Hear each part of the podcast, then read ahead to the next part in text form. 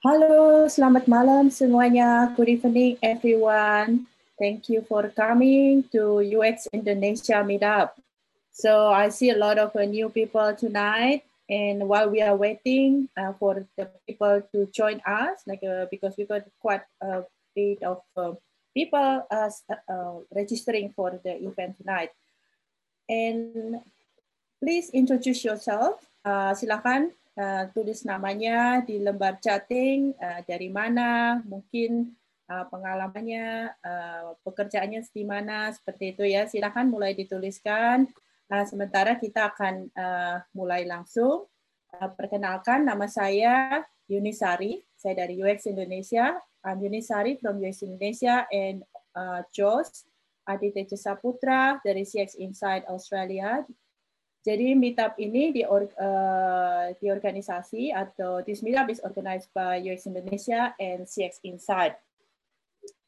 Uh, I will talk in Bahasa Indonesia because most of the people here are from Indonesia before we go to the presentation. So uh, sebelumnya saya akan memperkenalkan sedikit pada teman-teman sekalian yang di sini. Uh, bagi yang belum per, uh, bagi yang pertama kali bergabung di US Indonesia, uh, kita banyak sekali mengadakan training ya. Jadi training-training uh, itu ada training dan sertifikasi ya. Nah ini salah satu contohnya. Ini training yang uh, bisa dilakukan selama 4 minggu, selama uh, selama 12 minggu, selama 6 minggu Nah, uh, di sini uh, topiknya adalah design research. Nah, ini contoh-contoh kegiatannya setiap minggu seperti apa. Jadi kalau teman-teman ingin belajar, uh, kita setiap minggu itu ada live session. Nah, Anda bisa daftar, tapi kalau misalnya Anda mau ikut uh, trainingnya dan sertifikasinya juga bisa. Jadi, um, ini contoh kemarin live session yang kita adakan di bidang uh, UX Design Research. Ini teman-teman yang hadir kemarin. Nah, kalau ada mengenai training itu kita ada apa namanya beberapa paket nih untuk training. Jadi uh, ada silver, ada gold, ada platinum. Nah, kalau uh, teman-teman cuma mau datang aja juga bisa. Anda kalau datang terus bisa dapat sertifikat. Kalau misalnya teman-teman uh, misalnya pengen ada latihan langsung, ada apa namanya private coaching, Anda bisa ikut yang gold tapi kalau Anda mau ikut program sertifikasi jadi ahli khusus uh, expert gitu ya, spesialisasi di bidang UX Design Research, Anda bisa ikut program yang platinum. Nah, ini saya jelaskan di awal, jadi nanti misalnya ada pertanyaan atau ada ingin tahu lebih lanjut, silakan uh, langsung ke websitenya UX Indonesia. Uh, di sana ada info-info uh, yang lebih detail anda juga bisa langsung ada course detail di sana. Eh, Anda bisa lihat di sana lebih detail. Nah, eh, selain eh, training yang tadi saya bilang, kalau Anda ikut yang program platinum, Anda juga ikut ada program sertifikasi juga. Nah, program program sertifikasi kita itu 100% orang yang ikut sertifikasi itu mendapatkan employment yang sangat baik. Nah, salah satu assessornya adalah tamu kita nih hari ini ya yang hadir di acara kita malam hari ini. Nah, malam ini uh, saya ingin memperkenalkan seseorang yang sangat luar biasa, yang sangat spesial ya. Nah, beliau adalah seorang profesor di uh, eh, ITU, Department uh, eh, IT University, Department of Business IT, dan Head of Time. Nah, Time itu apa? Teknologi, innovation, management, dan entrepreneurship. Nah, beliau ini research fokusnya khusus khusus di bidang persona. Dan dia orang yang pertama kali uh, di dunia yang menulis uh, eh, PhD mengenai persona. Jadi malam hari ini dia uh, dia akan berbicara lebih detail lagi mengenai apa yang uh, beliau uh, kerjakan dan beliau ini uh, dia sudah menghasilkan tiga buku mengenai persona dan lebih dari 80 uh, paper mengenai uh, persona, service design dan beberapa aspek di bidang inovasi. Nah, saya beliau adalah teman baik saya dan Pak Jos dan beliau ini berasal dari Denmark. Ya, nah saya akan perkenalkan nih lebih lanjut I will introduce you to uh, Professor Lene Nielsen. Yeah, so she will be the guest tonight and she will talk with to all of us tonight about persona uh, data or no data. And she's the best person who can talk about this topic because of uh, amazing thing, extensive research that she has done um, in persona. Okay, now I would like to give the time to Professor Nielsen uh, to share about your presentation. I think you are still muted. Thank you, Eunice. yeah, thank you for telling me to unmute. It's these uh, things you always forget in these uh, online times. But uh, yes, thank you. And I do think I understood some of your uh, introduction to me. And as Eunice said, I'm uh, going to talk about personas and the re most recent development in this method, data or no data. Um, but first, I will like to uh, to say a little bit about myself because I'm an associate professor at the IT University of Copenhagen. It's a fairly new um, uh, university. It was uh, established uh, a little mo bit more than 20 years ago in 1999, and we have 2,517 students. And in most ways, we deal with something that is related to IT.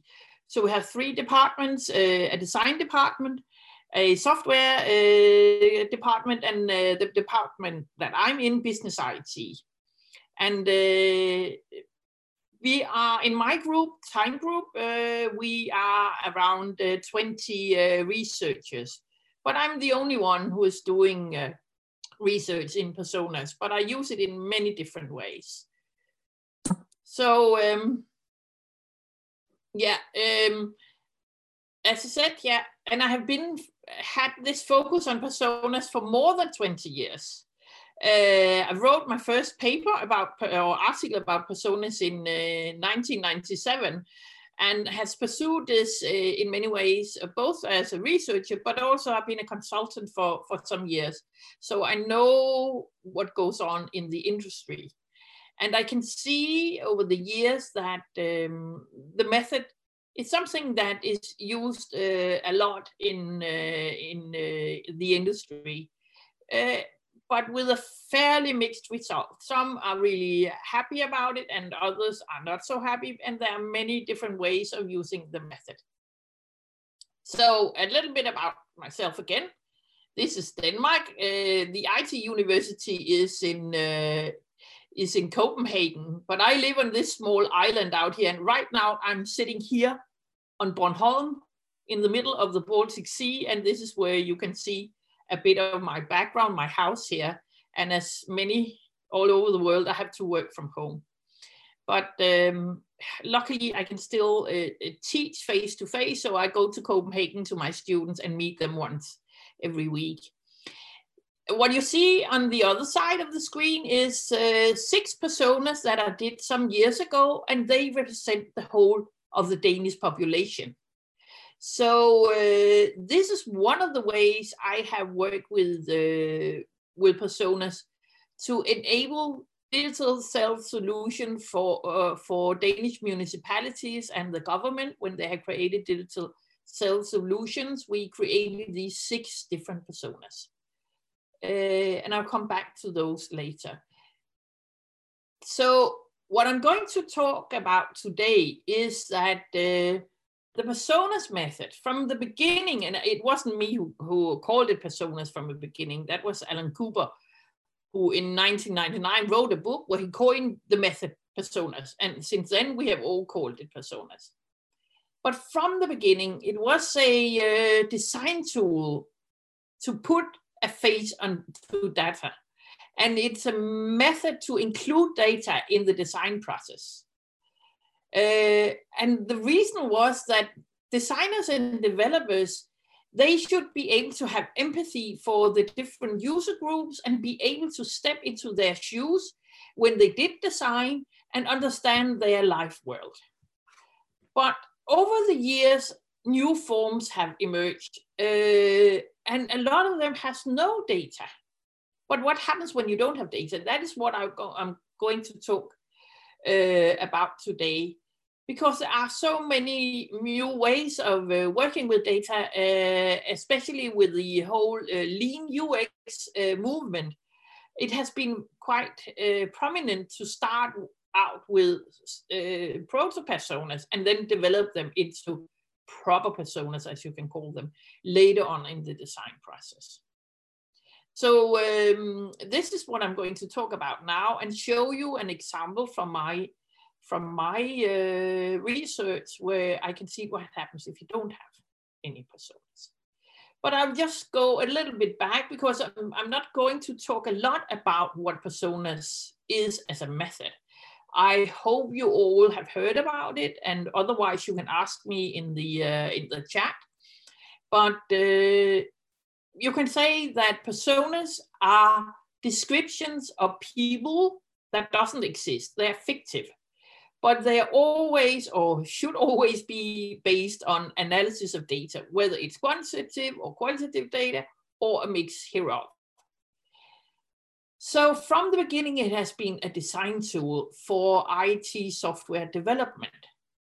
And it was a, a tool for decision making to figure out uh, the design we are going to do, what direction should it take, uh, and, and, and, who will benefit from it, and what are their uh, motivation for using this software we are going to create. Uh, so you could take a lot of this, you have to take a lot of design decisions uh, when you are creating software or apps or, or IT systems. And um, that is why, from the beginning, that few personas has been understood as better than many, because you need very few to be able, when you have talking about design decisions, uh, for the whole of the Danish population, you, and we are a very, very small country, we're only 5 million, but how can you, you need to select some that you are designing for. And, and you can have many variations in the design. So uh, we tend to end up with a 6 to 10, 15 personas, not more than that. So it, it also uh, from that it also goes that it's not a statistical uh, segmentation it is a design tool and it is not a one-to-one description of a user and if you look at a real person that person can be represented by many uh, different personas and i often meet people and then i can see okay he's talking just like one of the personas I made earlier, especially those for the uh, that represented the whole of the Danish population. And I can say, okay, now he is actually talking like this guy um, from this uh, persona set. So, but over there has been an increase in the use of personas, and and, and there are uh, many other areas that now use uh, personas uh, from uh, apart from the uh, original systems development, uh, also in service design, uh, there's a lot of user personas. I can see it's uh, heavily used in marketing. Uh, it's used in uh, within communication, and it's used to develop other products than that doesn't have anything to do with IT. So the use have expanded, and so has the different ways of using the the method. So um, I have uh, noted down some of the different uh, um, ways of using personas, like design personas. They have uh, typically data on uh, use different types of use, the attitudes, the behavior, the motivation, IT knowledge. Uh, marketing personas that focus on data and purchase, uh, brand awareness, uh, automated personas, I will come back to that, based on primarily uh, social media data, and then assumption-based personas that has no data, built on designers and developers' internal understandings of who the users are, and then co-design personas. Uh, they are co-designed with users in order to minimize stereotypes and uh, design bias. So these are some of the different types of personas that I have seen exist now, um, and and that the method had developed has developed into. And there are two trends right now uh, that I can see. So there are the trend that using quantitative data to uh, create personas. That's a huge trend now. How can we, with all the big data we have flowing around, how can we actually use that for, for creating uh, personas?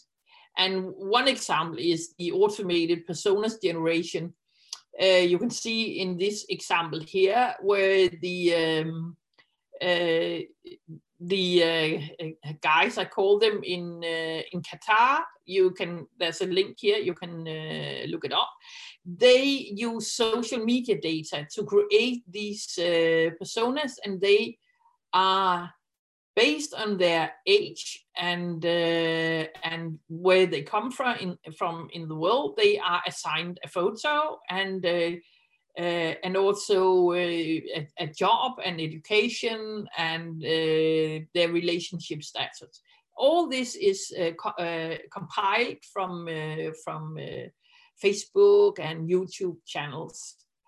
And they have access based on these um, channels they have access to quite a lot of data that they can use for different topics.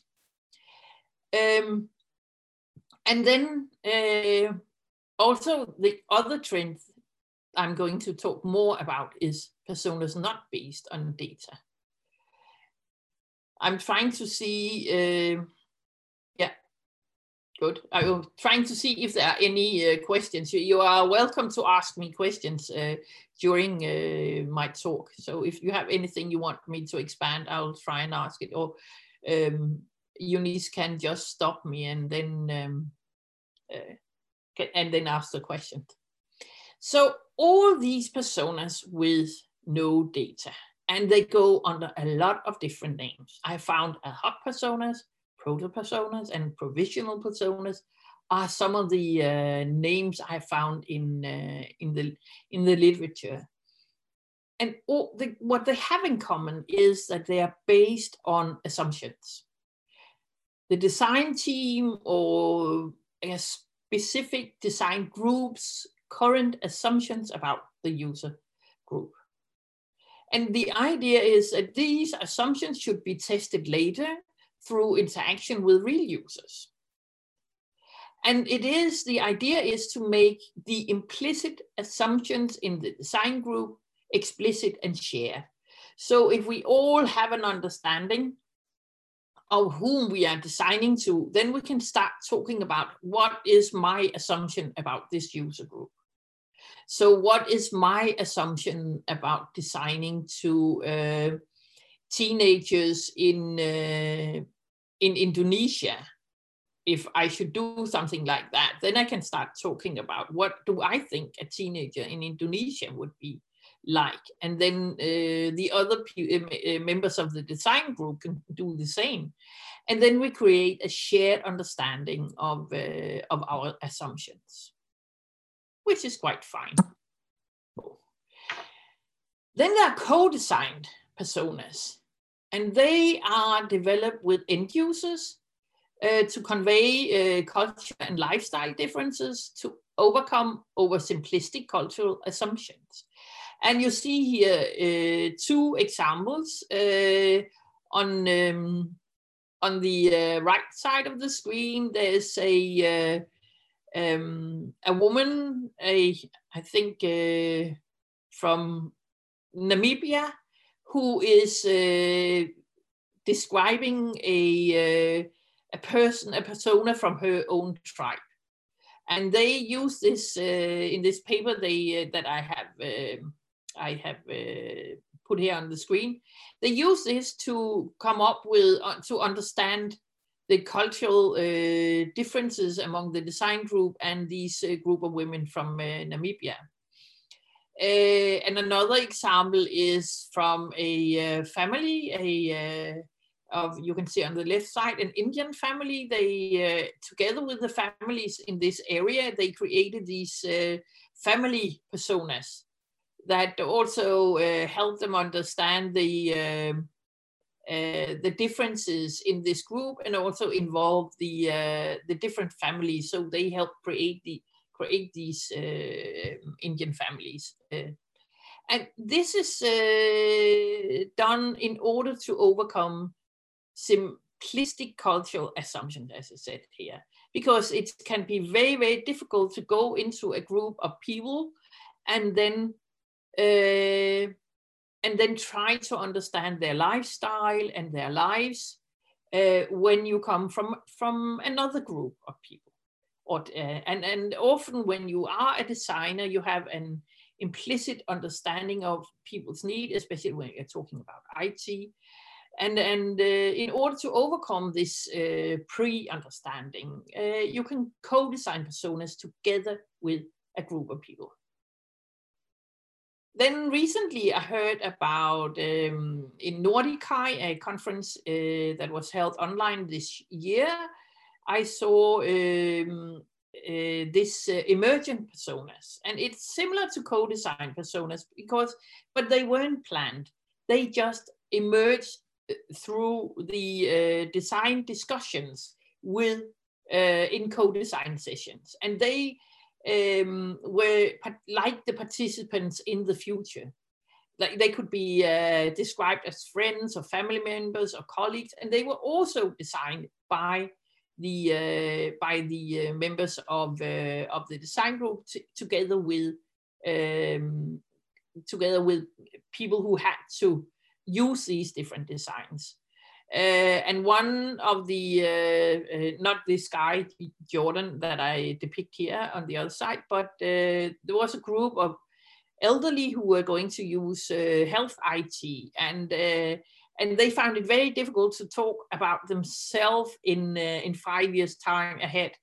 So they created these were like themselves but had some um, some disabilities that they couldn't uh, talk about so these emergent personas also emerged from the design session, the co-design session, and are co-designed together with participants and allows participants to talk about issues that are otherwise difficult to address. So they're not planned as co-designed, while the others you saw before, they were planned to be co-designed.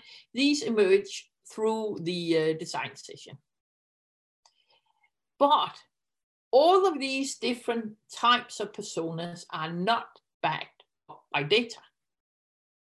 So uh, we don't know whether what how many they represent. We don't know whether they only represent the person who just designed them, the Namibian woman who designed them. So, so is that okay, or is that a problem? So, in all this what is actually happening with all these uh, types of uh, new types of, uh, of personas that is not based on, uh, on data. Uh, a couple of years ago, I did a study of uh, personas for agile user stories. It's a completely different story, but it has some interesting aspects. So what we saw there was that we had three different kinds, of three different companies, and they had three different types of personas. One was based on assumptions, one set of personas were based on desk research, and the third were based on both qualitative and quantitative data and a huge data set. And we asked the uh, participant in three different workshops to, uh, to, to um, use these personas to write user stories. They all worked agile. So um, um, so okay, I can see still that there's a lot going on, um, um, but I think I'll return to that in, in the end in, in the chat. So uh, just let it coming. But so what we did was to set up a, a, workshop for each company and ask them to use their type, their own type of personas. That was quite interesting because uh, we could suddenly see what does it mean that you have, uh, whether your Uh, personas is based on assumptions, uh, desk research, which means that it was existing research that the company had done uh, already, but not for the specific purpose of using them, it for uh, personas, but quite large research. And then specific uh, research for uh, personas project. So, uh, and what we can see is that this actually has implication for the understanding and utilization of personas. Because what we saw was that when personas is based on assumptions, it makes the participants guess a lot about what is going on and also refer to their own experiences or to their parents' experiences because there is so little data. There's nothing they can actually tie into. So they need to refer to their own experiences in order to create design situations. But when they have done that, then they also become insecure on the solution they're creating because how do they know? So they are actually looking into whether this is, they're talking about what is it actually we know in, uh, anything about? What is it actually that we have data on? Uh, what is just what are we just guessing? And in that case, you could say, is it then the same as not having personas? Because in some ways, this, these uh, assumption-based personas make you guess as much as if you didn't have anything to back it up with. You were just talking about based on your own experiences and guessing what the uh, what the end users might like, and also coming up with ideas because you yourself would like to have this. So this made me wonder um, because there seemed to be a correlation between how much designers and developers are forced to re rely on their own experiences and how often they collectively have to create imaginative user stories and the amount of data behind the uh, personas descriptions and the re relevance of the data. So we can say the higher the data richness, the less the participant have to revert to their own experiences and guesses. And we must remember that the whole idea with personas was that we should go away from guessing, we should go away from thinking what I like is the same as everybody likes, uh, and we should move into having empathy for different user groups, understand their needs, motivations, behaviors in order to create um, design solution for people who are different from the designers. And the more you work in IT, the, the more you forget that other people are not as interested in IT as you are. And they are much more scared about what goes on um, inside these digital solutions because they can't figure out what is actually going on. And, uh, and the idea behind personas was that we should move away from all this guesswork and move away from uh, taking point of departure in ourselves.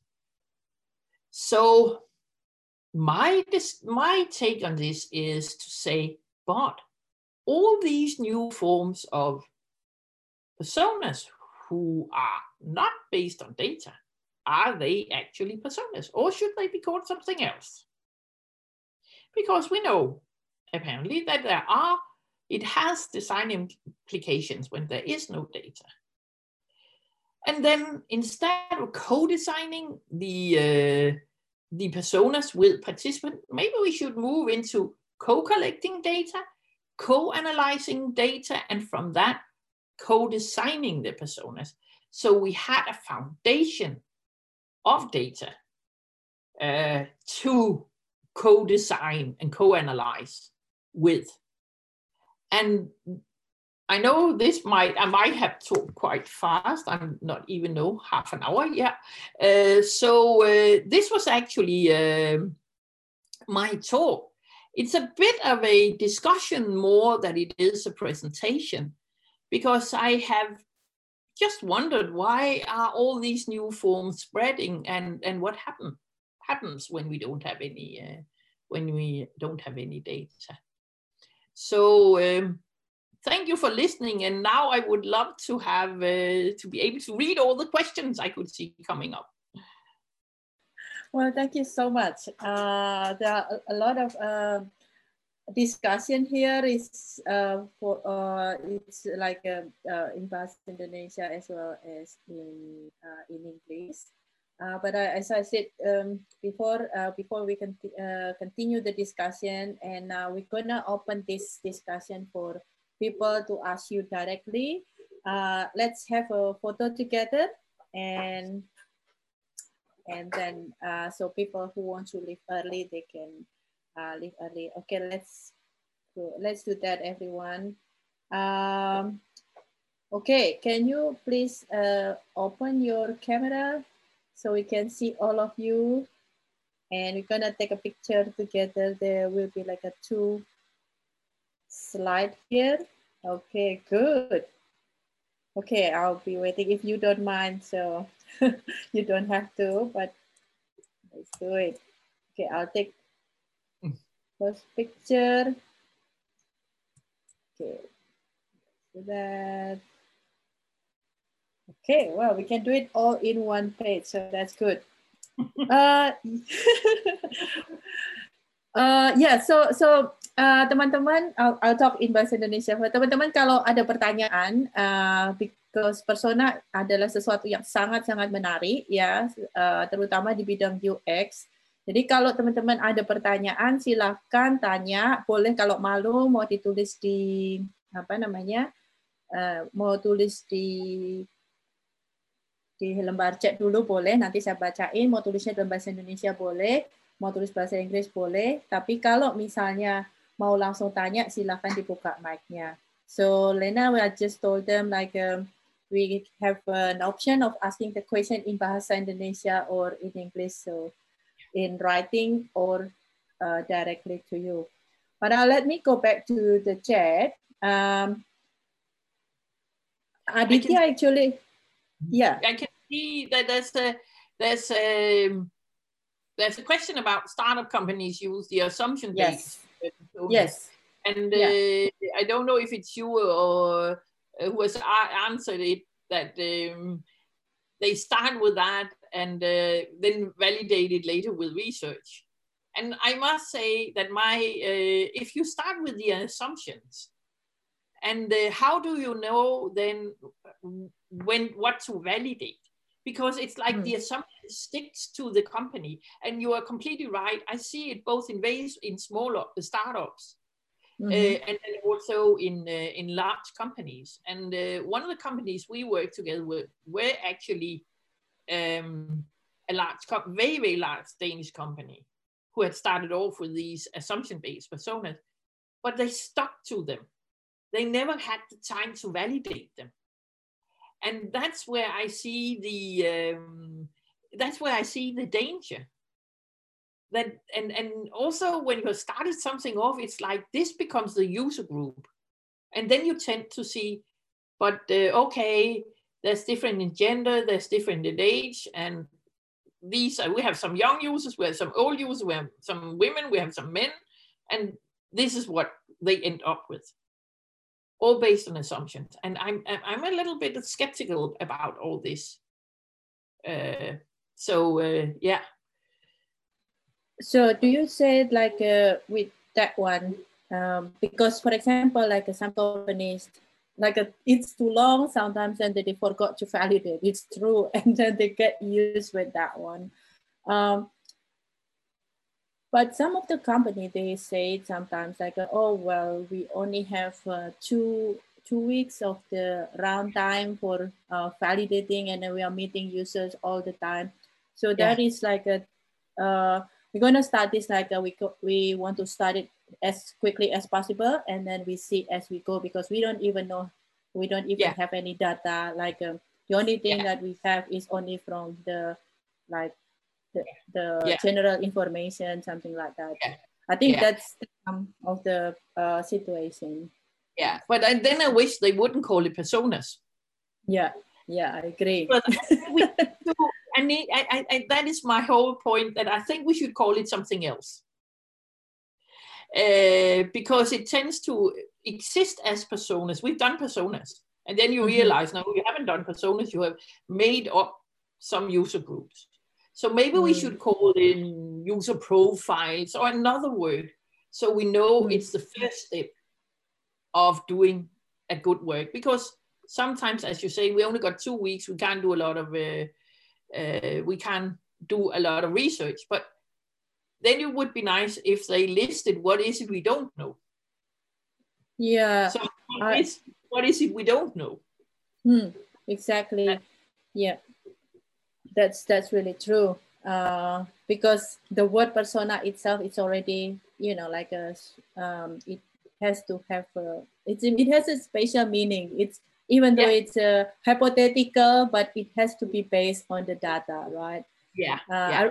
I, I really like uh, I really like when you um, I think in your early days you mentioned about emerging persona, uh, the 10 steps of uh, creating your persona uh, from your earlier project. That was really nice. And um, it's uh, the idea of um, the persona is evolving, it's not stuck in one uh, situation. This is no. really, really interesting. Yeah, and it's it's interesting to see that it's actually right now involving in two complete opposite directions. So mm-hmm. you have this based on big data, huge amount, like millions and millions of users, and then you have the other direction that is based on no users. so, so it's interesting to see what what goes on, and uh, yeah, and I can yeah. see that uh, there's a question about teaching. Yeah. Uh, and and that is also interesting because a lot I I can see my students they have not learned about personas from me, hmm. but in many cla- in in a lot of teaching situations, they just get to write. A, okay, we are now going to teach you to do this, and then you have to write a persona. Mm. But there's no data involved in that writing up, and they think actually. And I have also met my own students saying, but in other classes we just wrote them.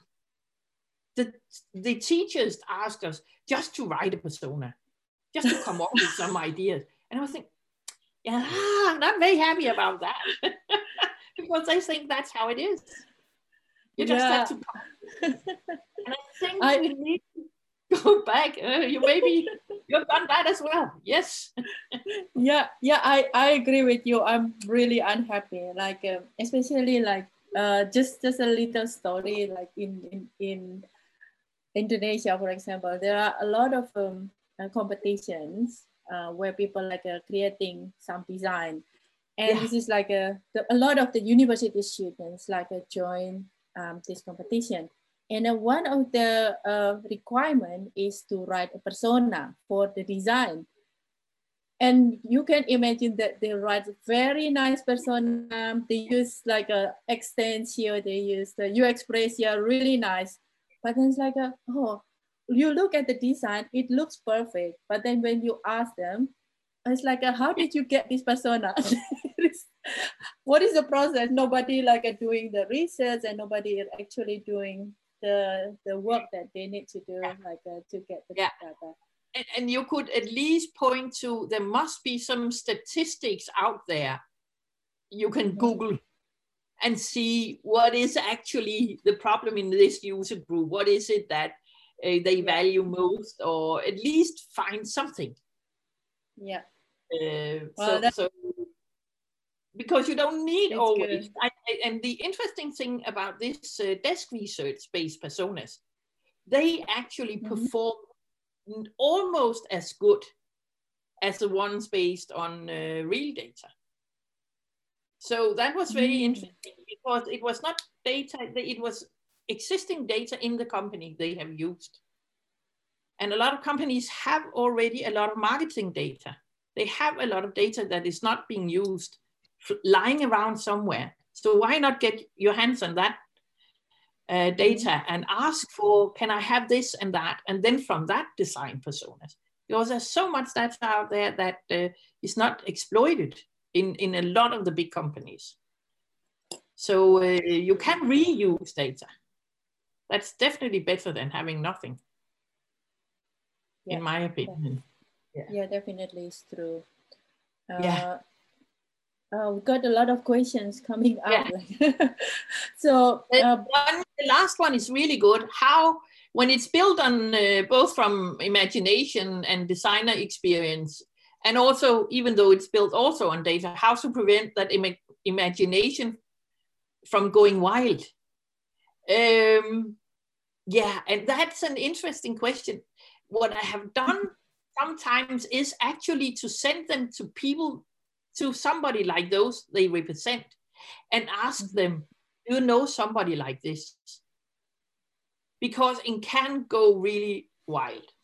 And sometimes the user group is so different from you that you find it difficult to articulate the differences. But then just send them off and, and show it to your, if it's old people, show it to your grandmother mm-hmm. and say, do you know somebody like her, this persona? And she will, they will give a lot of feedback. So show it to somebody who is similar to the persona. And I find that very valuable because you get a lot of insights in that yeah. uh, that way. So I would uh, say, yeah, I would say amen to that because uh, like uh, when we brought the persona to our users just to validate, like uh, some yes. like uh, oh yeah, this looks like me. This is me. Are you talking about me here?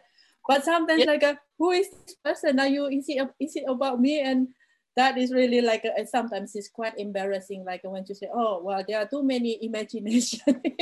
yes, exactly, exactly. Yes, yes. So uh, yeah, and and I think that's really and that way you can bridge between these co-design personas and the personas you as a designer create.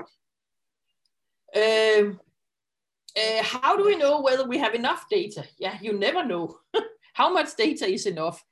Uh, it's it's a it's so difficult, and uh, I um, to me the combination of uh, qualitative and quantitative data is the best. I found it to be the best, but uh, as you say, most often you only got uh, like uh, three weeks to come up with something, and then you you will have to see how many what can you actually do in these uh, in this amount of time. And I think for most it's the time, not for a researcher, we got endless time amounts of time, but for most company it's the time you have set up to do this research that actually um, tells you how much data is enough. But it is very difficult question. And it's even more difficult when you are working outside your own, like if you're working for global company how should you collect data from for different countries different cultures? So uh, you being in australia and also in indonesia if you're going to build something from that works both in australia and in indonesia you need to have data from both places to mix them and see what are actually the differences. So um, and and then the more countries you are in the more difficult it gets. So there's no easy answer to that one then the next question would be uh, from that statement, how do you uh, convince the stakeholders like, uh, okay, you have to do the research in Indonesia, in Denmark, in whatever it is, because for example, nowadays, like uh, during the COVID time, they many of the companies say, oh, well, we don't have uh, resources to do all of this, like the privilege yeah. of doing that. Yeah, yeah. What do you take and, on and that? yeah and that is the most difficult. But i think and that's interesting because i can see more and more companies are doing research because they have learned so much that didn't work that they had to redo.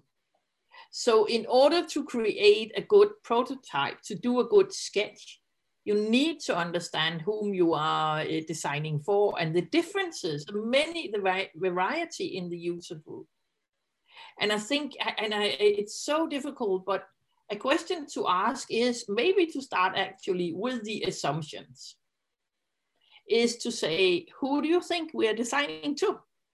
Who should use it and how much do we know about these pe uh, uh, people who are going to use this? Mm. and i can see especially i can see a lot of personas being used in health now because health is often so far away from those who uh, are going to design the equipment. Uh, it's difficult to understand who a pregnant mother in uh, in rural areas of uh, of India that I have seen uh, personas created for. It's difficult mm-hmm. to understand an old person with uh, asthma.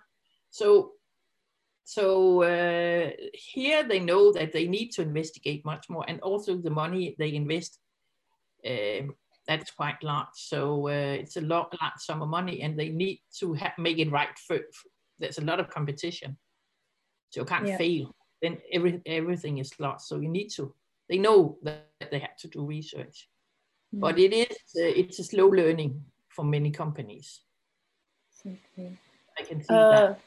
Yeah, but then like um, when you talk about health, it is a really good case study because now that during COVID, like a lot of a new startup, like they are starting doing health product and services, right? Doing a lot of service design. So this is this question is related to what Archie uh, asked. Um, he asked like how many persona base to build in well in your research on experience. Is there any minimum, average, or maximum persona?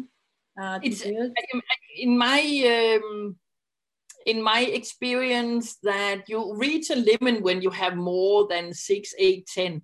But we actually done a study together with uh, Jim and Joni in Qatar uh, that uh, where we looked into where does these numbers come from, and uh, they just come from nowhere. so in my experience, in my experience, when I have been working with companies, we end up with six to eight maximum.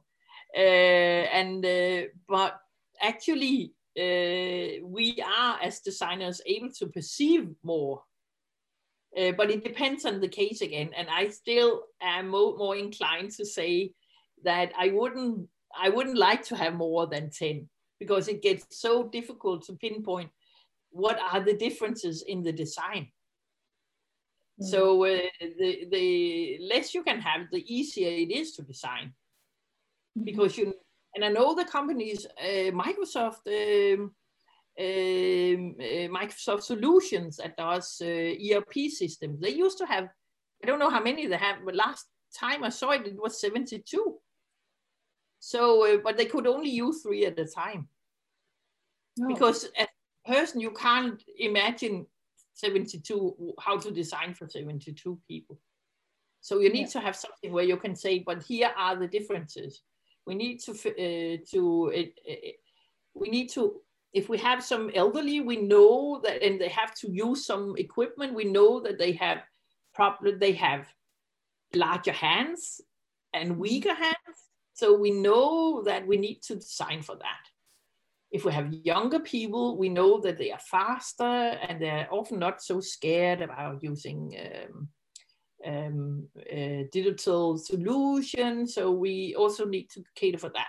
So there is a variety, but it's so difficult to say. And what maybe there will be uh, differences when you go that you have to cater for as well.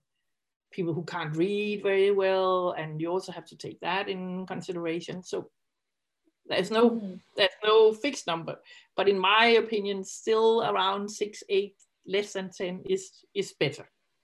better. Even though nobody knows where these numbers come from. so how do you prioritize like uh, which one like uh, I think from, yeah it also it's so interesting because I always do this quantitative data and then suddenly the number pops out Sometimes it's five, sometimes it's seven, sometimes it's only three, uh, but they come from the data. Then I suddenly mm. see where are the differences. What is it that I have to have? Uh, what I have to have in uh, uh look into. Mm. So it comes from the data. by analyzing. But it takes so, months to do that, and often not a lot of companies have months to analyze anything. Yeah. So yeah. Okay, so it's not like a just simple. Uh, it's not just a simple process. You just like uh, take a paper and write down and done. Your persona is ready, right? it's yeah, just a yeah. process. But I think you can do something that is more simple. Like you could sit down and say, at least we need to have this group of people we know, and we need to have this group of people. What are the differences between these groups of people? So can we say anything about them? So you could have a starting point saying, we know we need to have this group, we know we need to have that group, and then, and what are actually the differences and what are the similarities? Mm-hmm. So, uh, and then look into whether there is some statistics already uh, from governments or whatever about these uh, these people these people. So okay. yeah. Wow, that's interesting. Uh, well, before we continue to the next um, question, uh, mm. I'm I'm going to uh, share uh, a slide here.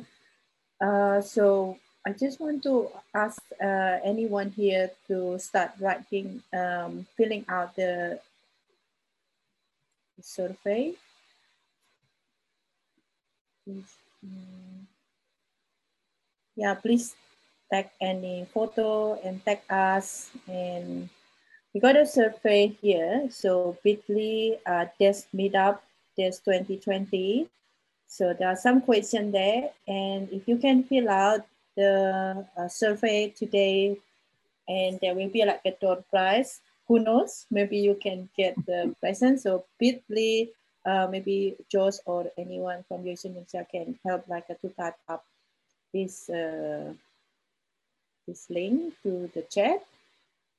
And yeah so when we can continue uh, with the next uh, with the discussion that we have here there are still like a couple of questions that we with if the time allows and then we can continue the discussion.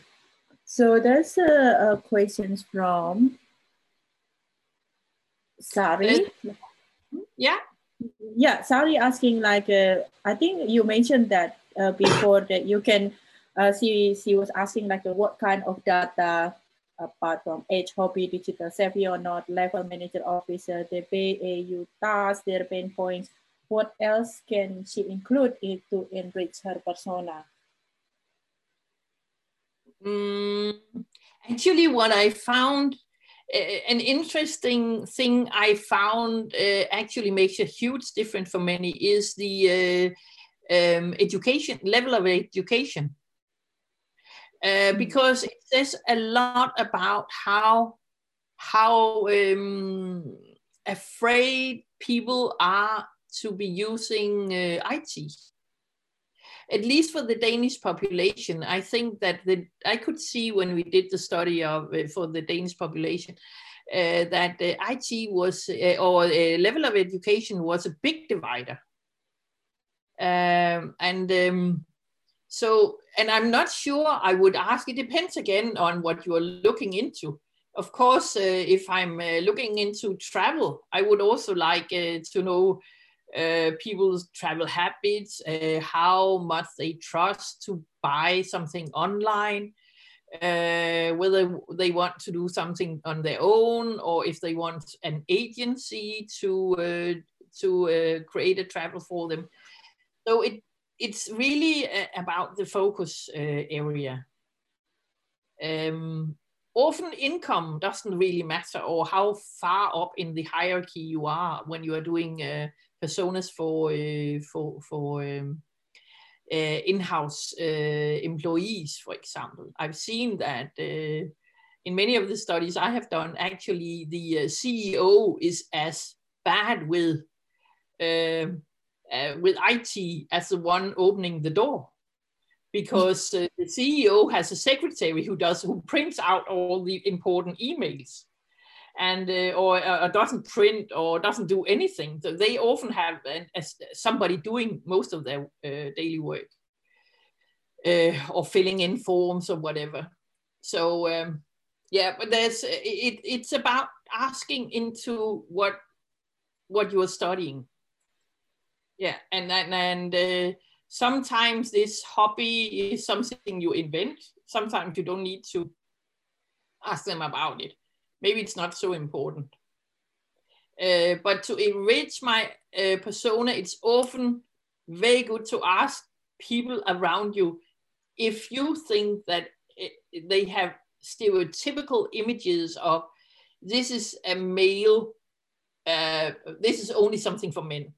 Why not create a woman? What would happen if you mm. create?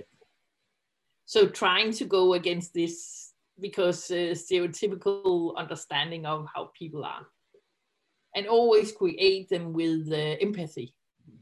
You need to create something, somebody you like, you yourself would like to sit next to at a party or uh, would like to talk to. Because then you can use them to ask questions to your design. But it's uh, it takes practice and i think the be best thing to do is to show them to somebody. And then you you um, you learn how to do it. What is it they pay attention to when they read this uh, description? So um, so that's uh, the only way you learn is by creating some and showing them and understand what is it that people actually pay attention to. What is most the most important information for those who are uh, reading them. And we're together with these uh, from uh, Qatar, we are constantly talking about what should we call those who use the personas, persona users, because there is so much, there's so little research done about those who use the persona. We're doing a lot of research about how to create personas, but how are they used in the companies and outside by the persona users? We should do more research on that. Yeah, because what is it they pay attention to? Yeah.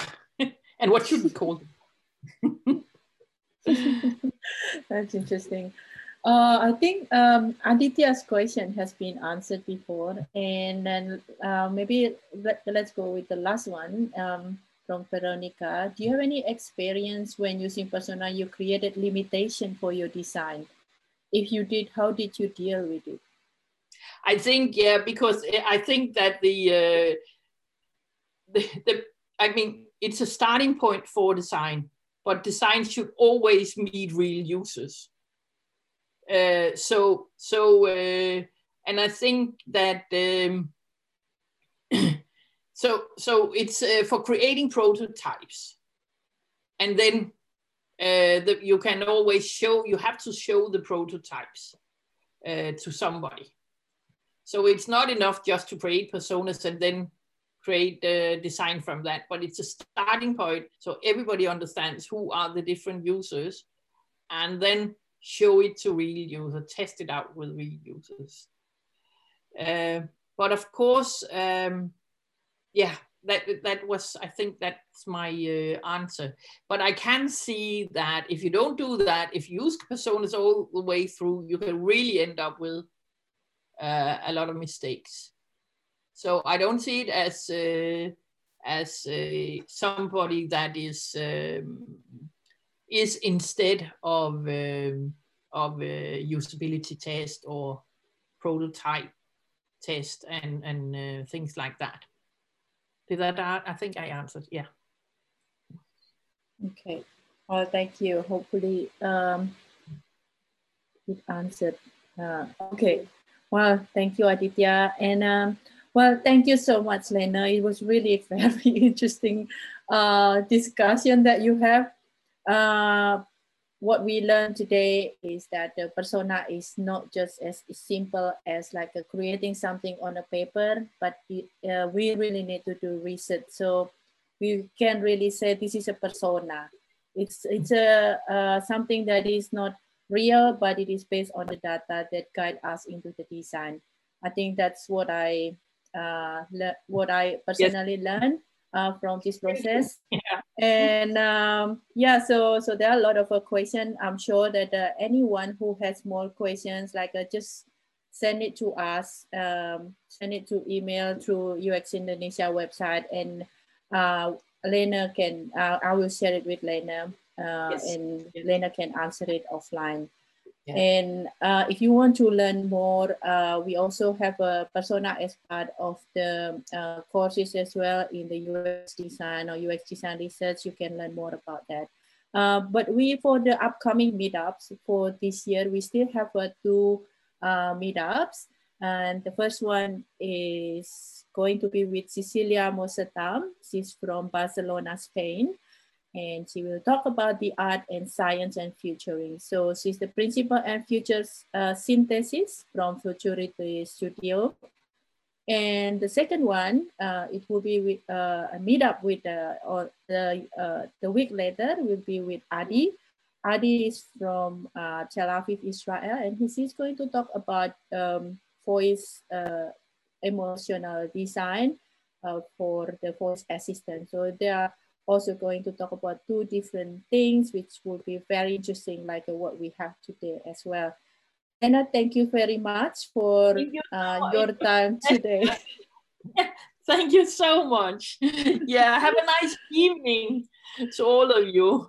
Yeah. yeah. So goodbye from uh, the cold Denmark. Yeah, I'll Yeah. go Yeah. out in Thank you, Thank you everyone. everyone Bye, very bye. much. Thank you, Lene. Bye. Bye. Bye. Thank you, everyone. Bye.